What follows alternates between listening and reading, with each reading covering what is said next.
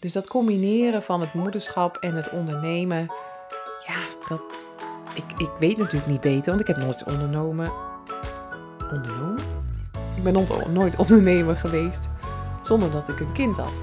Dus ik weet eigenlijk niet beter. Hè? En ik heb ook nooit een salonruimte bij de deur gehad.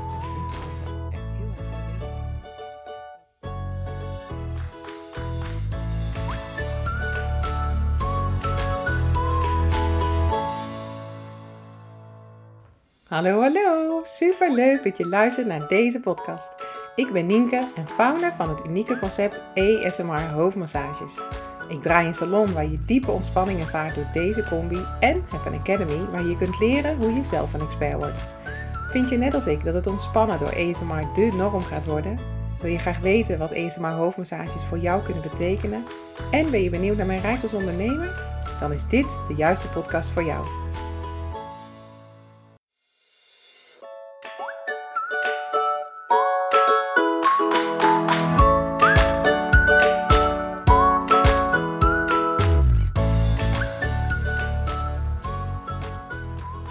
Lieve luisteraars. Welkom weer bij een nieuwe podcast.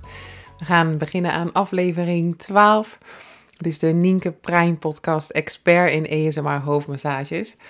En ik ben een challenge begonnen een aantal weken terug alweer om te zeggen van... hey, ik ga elke week een podcast opnemen, want ik wil graag content voor iedereen die maar geïnteresseerd is in ASMR hoofdmassages. En benieuwd is wat het voor diegene kan betekenen. En dan niet een afleveringetje of vijf, maar gewoon op een gegeven moment, ja, 52. Hoppakee. Dus uh, ja, die challenge die loopt. En elke donderdag wil en moet ik dus van mezelf een podcast opnemen. En dat is uitdagend, daar ben ik achter. Want dan ben ik lekker bezig. Hè? Of ik ben aan het masseren in de salon. En ik uh, plan ook echt tijd in dat ik aan, de, aan het bedrijf kan werken. En dat doe ik elke donderdagmiddag. En net was ik bezig met de website van de Academy om die op een andere manier op te zetten. Ehm, want ik loop bij Tessa de Vries. Zij is businessstratege en uh, ik leer daar echt hele leuke dingen in een één op één traject. Zodat ik mijn doelen kan gaan behalen.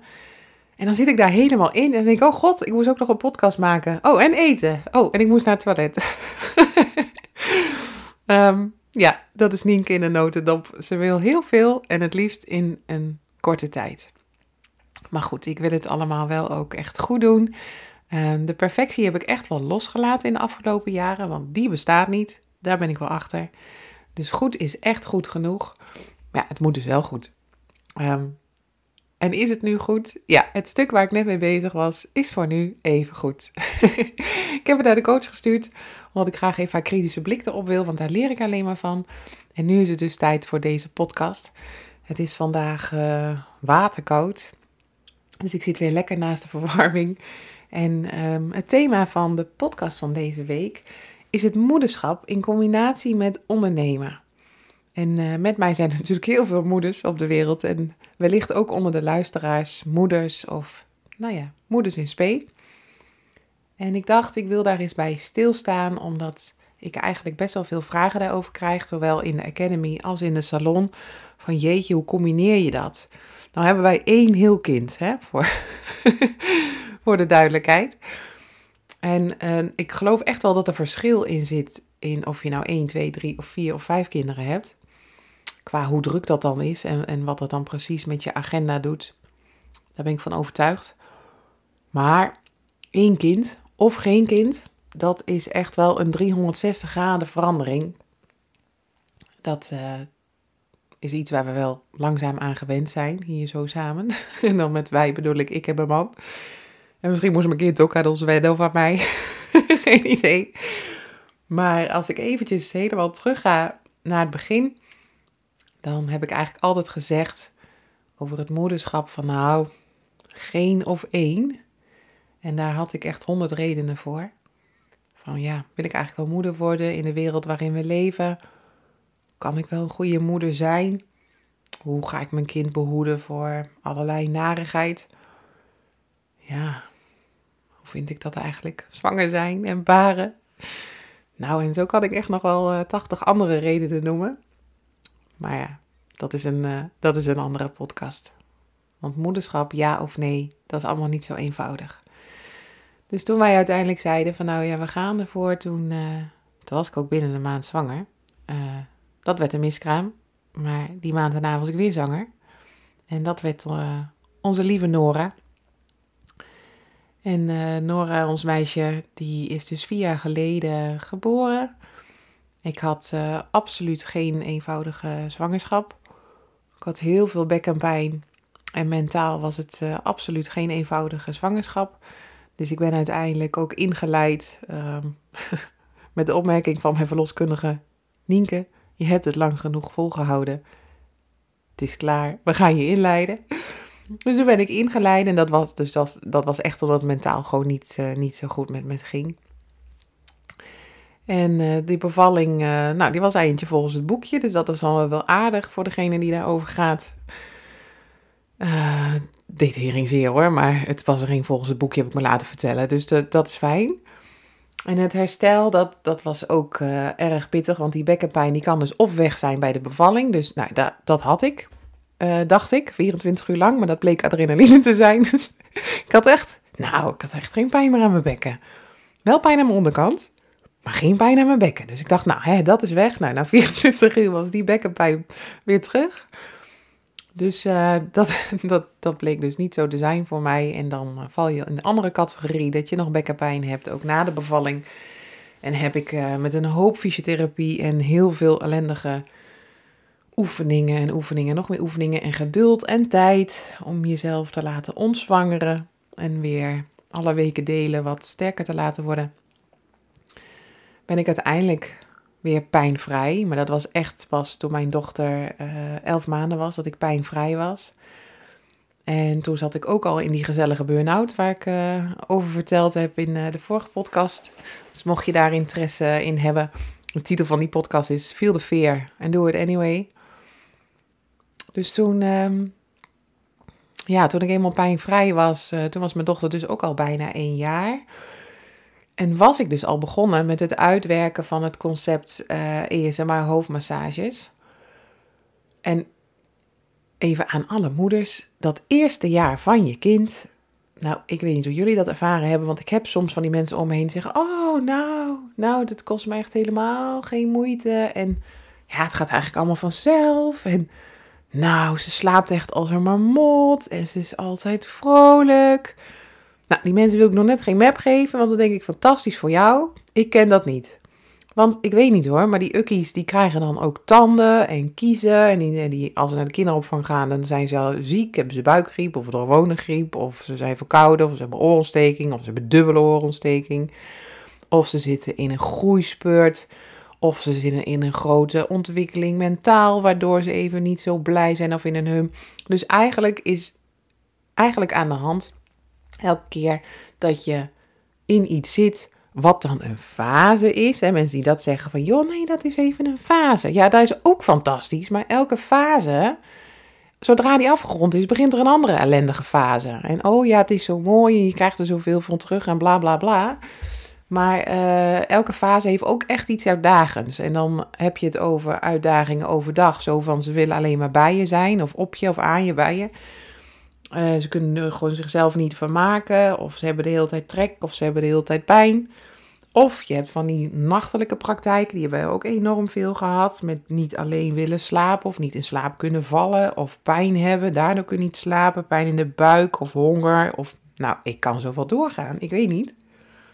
Maar dat is altijd wat met die baby's. Maar ze zijn zo leuk. Tussendoor. dat is heel geluk. Dus dat eerste jaar, man, man, man. Ik, uh, ik vond het pittig hoor. Dus mooi moment om in een burn-out te raken. En dan even een eigen onderneming te starten. Dat begrijp je. ik hou van sarcasme, dat hoor je. Nee, ja, dat eerste jaar en dan een, uh, een praktijk beginnen, of een salon beginnen. Ja, dat was allemaal niet zo eenvoudig. Maar goed, zoals ik in de vorige podcast al zei, er was geen weg terug. En ook geen weg verder naar de burn-out als in dan maar gewoon doorgaan. Dus het komt op hetzelfde neer. Er was geen weg terug. Dus die salon, ja, die, uh, die startte ik terwijl ik dus een dochtertje had van, uh, van elf maanden. Met nachtpraktijken en, en zo. En dan een salon op zolder. Want ja, ik had niet zo'n fancy tuin waarin ik dan een leuke unit kon laten plaatsen of een mooie schuur voorin. Ja, we hebben wel een schuur, maar die is uh, anderhalf bij twee. En ja, dat was er allemaal niet bij. En een ruimte huren is heel leuk hoor, maar ook echt heel duur. Dus dat was als beginnend uh, salon-eigenaresse absoluut geen optie. Maar ja, we hebben wel vijf slaapkamers en maar één kind. dus ja, dat moest eigenlijk wel kunnen. Dus een van die mooie ruimtes op zolder werd ik uh, werd omgetoverd tot salon. Ik vond dat echt een heel leuk proces. Want ik had in mijn hoofd dat ik als thema uh, Bali wilde. Dus nou, er is een, echt een fantastisch leuk winkeltje. Niet gesponsord, maar wel heel leuk om te benoemen. Dat heet Mooi Bali. Dat zit in Brummen. En zij verkopen allemaal spullen die ze zelf uitzoeken in Bali. Echt fantastisch.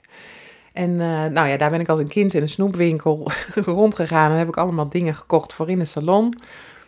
En uh, ik had een behang uitgekozen als fotobehang van onze reis die we hebben gemaakt naar Nieuw-Zeeland en uh, Maleisië, Singapore en Bali. Zijn we 14 weken weg geweest in 2017 met z'n tweetjes. Mijn dochter zegt ook altijd: Waar was ik dan? Zat ik toen al in je buik? Uh, nee, niet helemaal. Maar um, ja, daar hadden we een foto gemaakt van een rijstveld in Bali, vlak, vlakbij Ubud. En die foto die heb ik als achtergrond gedaan in de salon. En zo had ik een beetje de, nou ja, de uitstraling die ik wilde. Rustig, zen, anders als anders. Want ik had veel salons gezien waar het altijd een beetje, ja, een beetje dezelfde uitstraling was beetje wit, rustig of heel veel zwart. En ik wilde graag iets anders, dat vond ik leuk. Dus die, uh, die salon inrichten, nou dat, dat was dan gelukt. En toen ging ik uh, één sessie aanbieden. Hè. Ik had in het begin één sessie. en die klanten die kwamen dan en dan zei ik echt, zodra ik de deur opentrok, zei ik... Ja, ik moet wel even zachtjes doen hoor, want mijn dochter die slaapt. Want ik had natuurlijk echt als een van de grootste angsten, wat als dat kind gaat huilen? Dus um, nou, wat we echt al heel snel hadden gedaan was die ellendige tringbel, zeg maar, om die te verwijderen. Dus we hebben nou zo'n uh, zo'n EUVI-bel, waarbij dat dus binnenkomt op je mobiel. Dus nou, dat, dat was al uh. Dan moest dat kind ook op tijd slapen. Hè? Dus daar was ik ook altijd mee bezig. Van, oh god, dan komt om kwart over zeven de klant en dan moet dat kind slapen. Ging dat altijd goed, Nienke? Nee. Ging dat heel vaak wel goed? Ja, gelukkig wel. En de afspraak met mijn man was dat hij dan naar boven sprintte zodra het kind begon te huilen. Dus normaliter zou je zeggen, nou we laten er een minuut of tien zelf eventjes wat proberen en oplossen. En um, als ik een klant had, ja dan was dat geen optie. Dus dan sprintte mijn man binnen 10 seconden naar boven. En dan het kind uh, weer in slaap proberen te krijgen. En ik heb eigenlijk van klanten nooit teruggekregen van nou zeg, wat gek dat je dat zo in huis hebt. En uh, jeetje, en je dochter. Maar meer bewondering van wow, wat mooi. Wat, uh, wat gaaf dat je dit zo in huis kan hebben. En wat handig dat je dat zo kan combineren. En uh, wordt je dochter nooit wakker? Nou ja, soms wel. Kijk, in het begin was ik nog vier avonden open. Dus dat leerde ik wel zo na, ja, denk toch wel bijna een jaar. Dat ik dacht, hé, hey, als ik nou niet al die avonden open ga zijn, dan is dat wel handiger met dat kind, het kind, de mini. dus zo ben ik minder avonden gaan werken. Dus dat had niet alleen te maken met uh, mezelf, maar, uh, maar ook echt met dat kind.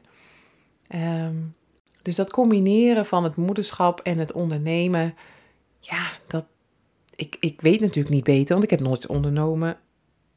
Ondernomen? Ik ben nooit ondernemer geweest zonder dat ik een kind had. Dus ik weet eigenlijk niet beter. Hè? En ik heb ook nooit een salonruimte buiten de deur gehad. Ben ik nu trouwens wel echt heel erg mee bezig. Dus staat echt wat op de planning.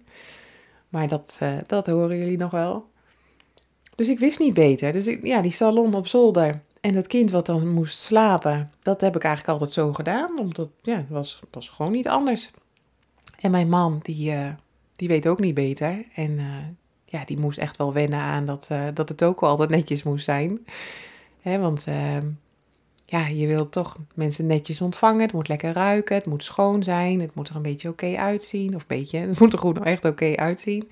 Dus daar moest hij ook wel aan wennen. Um, Maar dat is wel wat hij me gunt en waar hij aan mee wil werken. Dus daar hebben wij, nou ja, zeker nu na drie jaar, echt een hele, hele mooie balans in gevonden. En dat niet meer werken in de avond, dat heeft me echt wel geholpen. Want dan hoefde ik niet meer zo panisch bezig te zijn met hoe als het kind maar niet wakker wordt. Want ja, zodra je dan een kikje hoorde of een huiltje of een wat dan ook, dan dacht ik, oh jee, ik hoop maar niet dat de klant uit de diepe ontspanning komt. Terwijl als ik het dan navroeg, hè, na de sessie, dan zei ik, oh, ik hoorde ook nog even mijn dochter huilen. Dan zei de klant standaard, echt? Oh, nou had ik echt niks van door. Echt, ik was zo uh, ontspannen. Nee, dat kan me niet door. Ik denk dat de wereld uh, echt had kunnen vergaan, had ik het nog niet gemerkt. Nee, joh, daar was ik helemaal niet mee bezig. Dus ook als ik een hond hoorde blaffen of um, er was een buurman die een deur wat, uh, wat harder dicht deed. Klanten die horen dat helemaal niet. Die zijn er gewoon helemaal niet mee bezig. Kijk, natuurlijk moet je niet in een mega drukke kapperszaak um, zo'n sessie gaan geven terwijl er drie feuns aan staat en uh, uh, de kapper die ziet mevrouw Jansen binnenkomen die een beetje doof is en zegt: Hey, goedemorgen, joe, goedemorgen, wilt u koffie? nee, dat, dat is niet zo handig. Ik heb ook wel gekeken namelijk in, uh, in kapperszaken of ik daar dan een ruimte wilde huren. En dan zei ik, goh, is met geluid? En dan zeiden ze, oh nee, valt heel erg mee. En dan ging ik kijken en dan zei ik, goh, ik doe even de deur dicht. Dan ga ik even stil, dan ga ik even luisteren. En dan dacht ik, nou, ik weet niet wat jullie uh, verstaan onder dat valt wel mee. Maar als je drie feuns hebt aanstaan waar die kappers overheen praten. En die praten echt altijd. En dan, um, ja, dan is rustig een sessie geven er niet bij. Toen dacht ik, nou, zo gek heb ik het thuis nog niet. Want eigenlijk is het hier best wel heel stil. En ja, dat kind is inmiddels vier. Die nachtelijke praktijken, die zijn echt wel voorbij. En natuurlijk heeft ze nog wel eens wat, maar dat is meestal na tien uur. Dan uh, begint ze wel eens wat te dromen. Maar dan heb ik ook geen klanten meer in huis. Dus wat dat betreft, ja, prima te combineren. En tuurlijk heb ik dromen voor een eigen ruimte. Tuurlijk gun ik het mijn man dat hij geen rekening meer hoeft te houden. Dat hij niet mag klussen, alleen als de klanten weg zijn. En dat hij, uh, ja, dat het huis weer voor ons is. Tuurlijk. Dat wordt op den duur echt wel tijd. En als we een ander huis hadden, dan had ik dat eigenlijk wel prima gevonden aan huis. Maar dan inderdaad zo'n salon, een academy op de begane grond. Niet dat mensen een trap op moeten. Of in de tuin. Dat, ja, dat zou fantastisch zijn. Maar dan moet ik een heel ander huis kopen. Dat is ook weer zo'n ding, hè. Dat doe je ook niet zo 1, 2, 3. Dus dat moederschap en ondernemen, om dat zo te combineren, uh, ja, nou, praktisch gezien. Dus best wel oké voor mij. En um, ja, voor mij echt wel heel erg fijn om dit te hebben. Zeker na die burn-out. Ik, ik was natuurlijk echt, toen ik in die burn-out zat, maakte ik kennis met een hele donkergrijze wolk. Wil ik het geen zwarte wolk noemen, want ik heb genoeg mensen begeleid in de psychiatrie die chronisch depressief waren. Dat is wel echt een zwarte wolk. Of mensen die dingen hebben meegemaakt waardoor je echt in een zwarte wolk komt. Maar bij mij, hij was echt wel donkergrijs, kan ik je zeggen. En toen ik na die burn-out ook terugging naar de psychiatrie, want ja, ik moest eerst terug in die baan reïntegreren en toen ging ik wel op zoek naar wat anders, hè, om dat zo naast de salon te hebben. Uh, toen leerde ik eigenlijk dat mijn werk deel was van die grijze wolk. Dus hij was eigenlijk al een tijdje wel heel lichtgrijs. En hij werd langzaam donkergrijs, omdat ik maar gewoon negeerde dat wat ik aan het doen was, dat ik daar helemaal niet gelukkig van werd. Ik kon het wel goed. Ik deed wel wat van me werd verwacht. En ik zette me ook wel gewoon voor meer dan 100% in, want dat is wie ik ben. Maar ik werd er niet gelukkig van. En de sfeer in de psychiatrie, ja, ik heb echt respect voor mijn oud-collega's en überhaupt iedereen die het nu nog doet. Van als je met zoveel diepe ellende te maken hebt, hoe hou je dan je eigen hoofd ja, positief en oké. Ja, dat, dat, dat weet ik niet. Want mij lukt het niet. Nou ben ik ook hoogsensitief, dus dat zal ermee te maken hebben. Het komt gewoon heel erg binnen. En zeker toen mijn dochter geboren werd, ik zat natuurlijk op een uh, echt een donkergrijze wolk tijdens die zwangerschap. Maar toen zij geboren was, toen serieus, ik kroop op een roze wolk. Dat was echt waar. Al had ik eerst die eerste paar dagen die moedergevoelens, dacht ik echt, kan ik die ergens kopen? Want dat had ik niet zo. Maar ik kwam echt wel op een roze wolk terecht. Dus toen ik terugging in de psychiatrie met die roze wolk in mijn hoofd, toen dacht ik echt, hè? Maar dan komt die grijze wolk weer. Ik heb hier helemaal geen zin meer in. Nou, dat wist ik natuurlijk al door die burn-out. Maar ik had het nooit zo uh, gekoppeld aan een bepaalde energie. Een nare, negatieve, energieslurpende, vervelende energie. En in die salon, ah, dan zit ik niet op een roze wolk, maar wel op een hele prettige, positieve wolk. Waar het gewoon echt een hele fijne energie hangt. Omdat ik zelf bepaal hoe ik het wil hebben, wanneer ik het wil hebben, met wie ik dat wil hebben. En die energie zet ik zelf neer. Kijk, en nemen de klanten energie mee. Uh, maar daar heb ik echt geleerd om mee om te gaan. En het helpt natuurlijk dat ik dan al en een stukje levenservaring heb, want ik heb genoeg meegemaakt. Maar ook die ervaring heb in de, in de zorg en in, uh, in de hulpverlening. Dat je eigenlijk met alle energieën wel om kan gaan. Alleen je voelt je bij de ene energie prettiger als bij de andere energie. En dat maakt ook dat ik heel scherp ben op: hey, wie is mijn doelgroep?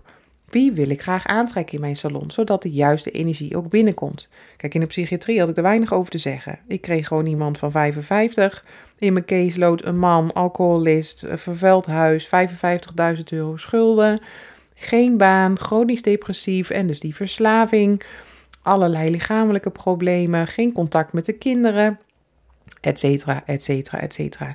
Nou, dan kan jij nog zo'n positieve energie hebben, maar het lukt mij dan niet om me te verhouden tot die energie van die ander op zo'n manier dat ik daar in mijn eigen energie kan blijven en ook prettig wegga. Dus die eigen energie in mijn salon, dat vind ik dus heel erg belangrijk. En als je dit zeven jaar geleden tegen me had gezegd, dan dacht ik echt, doe niet zo zweverig met je energie. Maar als je dan leert bij de psycholoog dat je en hoogsensitief bent en dus ook heel gevoelig bent voor energie en dat gewoon heel belangrijk vindt, nou, dan omarm je dat. En ben ik nu een paar jaar verder en denk ik, ja, energie vind ik echt iets heel belangrijks in mijn salon, in mijn academy, in mijn huis en in mijn relatie met mijn dochter. Dus dat combineren van dat moederschap en dat ondernemen, dat zorgt voor een hele fijne energie omdat ik zelf kan bepalen hoe ik het doe, welke tijden ik doe. Zeker nu mijn dochter naar school gaat, heb ik nog weer een ander roze wat me nog beter past. S ochtends ga ik om half tien open, zodat ik daarvoor kan wandelen.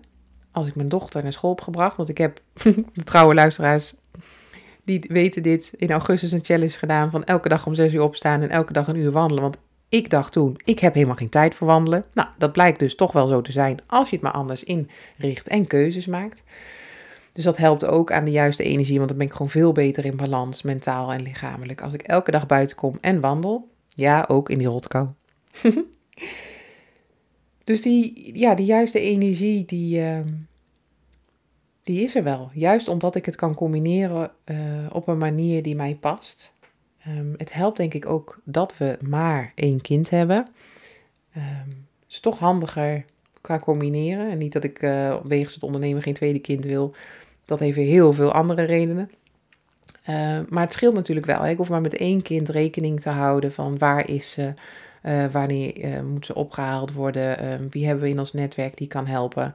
Dat is helaas heel klein. Um, maar er zijn wel mensen die wat willen helpen bij ziekte bijvoorbeeld. En het doet me ook goed dat ik gewoon, ja, een leuker mens ben als moeder voor mijn dochter. Doordat ik doe waar ik blij van word. Doordat ik iets doe waar ik voldoening uit haal. Waar ik passie door voel. Waar ik energie van krijg.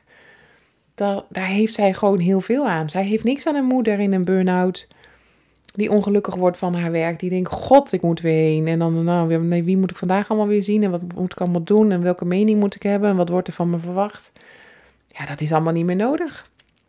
Sterker nog, ik moet heel goed bewaken. Dat ik niet denk, ha, ze zit mooi in de strijkralen, dan kan ik wel een uurtje gaan werken. Nee, Nienke, je hebt grenzen gemaakt voor jezelf waar je aan moet houden, zodat die balans tussen moeder zijn en ondernemer zijn, dat die juist is. Niet alleen voor mijzelf, maar ook voor mijn dochter. Want die heeft het gewoon nodig dat ik er ben. En niet lijfelijk aanwezig ben en op mijn telefoon of op mijn laptop iets te doen. Nee, er echt met haar ben. Dus samen die strijkraden doen. Of samen op pad. Dus die, uh, die balans, die um, vind ik inmiddels niet meer zo uitdagend als drie jaar geleden. Want toen was het uh, nog wel heel anders. Toen sliep ze nog wel overdag, dus dan kon je nog eens even wat doen. Hè? Dat is nu voorbij. maar het dwingt me juist tot echt keuzes maken. Dan en dan mag ik werken. En dan en dan niet. Dan ben ik uit het bedrijf. Dan ben ik er voor mijn kind. Ehm, dus de dinsdag, nee, dat zeg ik niet goed. De maandag en de donderdag en de vrijdag, dan haal ik haar van school, gaat ze niet naar de BSO en dan ben ik er gewoon voor haar. Dus dan heb ik gewoon van twee tot nou, half zeven gaan we naar boven, gaat ze richting bed. En dan ben ik er voor haar. En dan gaan we samen op pad of er komt iemand spelen. Of zijn gewoon samen hier thuis. En het is niet dat ik haar continu vermaak hoor, want in die categorie moeders val ik absoluut niet. Maar wel dat je gewoon oprecht aanwezig bent. En dat is het voorbeeld wat ik wil zijn. Ik ben een moeder die hard werkt, die niet te stoppen is, die gaat voor haar missie, die heel veel energie heeft en altijd veel tegelijk wil en ook wel kan doen. Maar ik ben ook de moeder die er oprecht is, die haar ziet in wat ze nodig heeft, die haar ziet in wie ze is. En dat vind ik heel belangrijk, dat ik ja, een goed voorbeeld voor haar ben en haar leer dat ondernemen iets is wat gewoon kan als vrouw zijnde. En ook in een tak ja, waar nog niet zo heel veel in gebeurt. Nederland breed, want als enige in Nederland een salon starten met ESMA hoofdmassage. En dan ook als enige een academy starten waar ik die trainingen geef, omdat ik het concept wil verspreiden. Daar is lef voor nodig en moed. En ik wil uitstralen naar haar ehm, dat je alles kan bereiken in het leven als je maar wil. Door kleine stapjes te zetten en die kleine stapjes worden uiteindelijk bij elkaar groot. Dus ja, wie weet wordt ze in de toekomst mijn collega. Ze vinden het heel erg leuk om een sessie te ontvangen. Die sessies, dat zijn uh, echte speed sessies. Die duren namelijk maximaal vijf minuten. Maar in die vijf minuten wil ze wel alles hebben gehad. En vraagt ze dan ook, liggen de klanten ook altijd zo stil, man? Oké, dan lig ik ook stil. Ik wil wel een dekentje, want dan heeft de klant ook. Mam, je moet me niet een kusje geven. Wat doe je dat ook bij de klanten? Nee, dat doe ik niet bij de klanten. Nou, dan mag je mij geen kusjes geven tussendoor. En bij de haarspin, dan giechelt ze het uit. dat vindt ze enorm kriebelen. En ze vindt de geurtjes lekker. En ze wil ook altijd weten hoe de klanten heten. Wie komen er vandaag? Zijn die al vaker geweest? Dus uh, op zaterdag doet ze altijd de deur open en dan zegt ze: Goedemorgen, fijn dat je er bent, kom maar binnen. Of je krijgt een ander verhaal over je heen, over strijkralen of Sinterklaas of noem het maar. Zij weet natuurlijk niet beter als dat haar moeder een salon heeft waarin ze klanten ontvangt. Een moeder die ja, ervoor gaat, die werkt en die het ondernemerschap en het moederschap prima kan combineren. Nee, dat beseft ze niet, beseft zij zich natuurlijk niet, nog niet, maar voor haar is er geen andere realiteit als deze. Ze kent niet beter. Ja, nou, ik zie dat ik alweer bijna een half uur zit. Ik vind het uh, eigenlijk wel heel leuk onderwerp en ik ben heel benieuwd of jij ook het ondernemerschap en het moederschap met elkaar combineert en hoe je dat doet, wat je ervaringen zijn. Dus uh, stuur me een bericht op deze podcast of een DM op Instagram. Zou ik super leuk vinden. En hopelijk heb je de dingen gehoord die herkenbaar voor je waren of die je inspireren of waar je op moest lachen. Dan is mijn missie weer geslaagd voor vandaag. Voor nu een fijne dag en ik zeg tot volgende week. Doei! Dankjewel voor het luisteren. Vond je deze podcast interessant, leuk of inspirerend? Maak een screenshot en deel deze op jouw socials. Tag ESMA hoofdmassages of op je stories of in je feed. Zo inspireer je anderen en ik vind het heel leuk om te zien wie er luistert. Super dankjewel alvast en tot snel!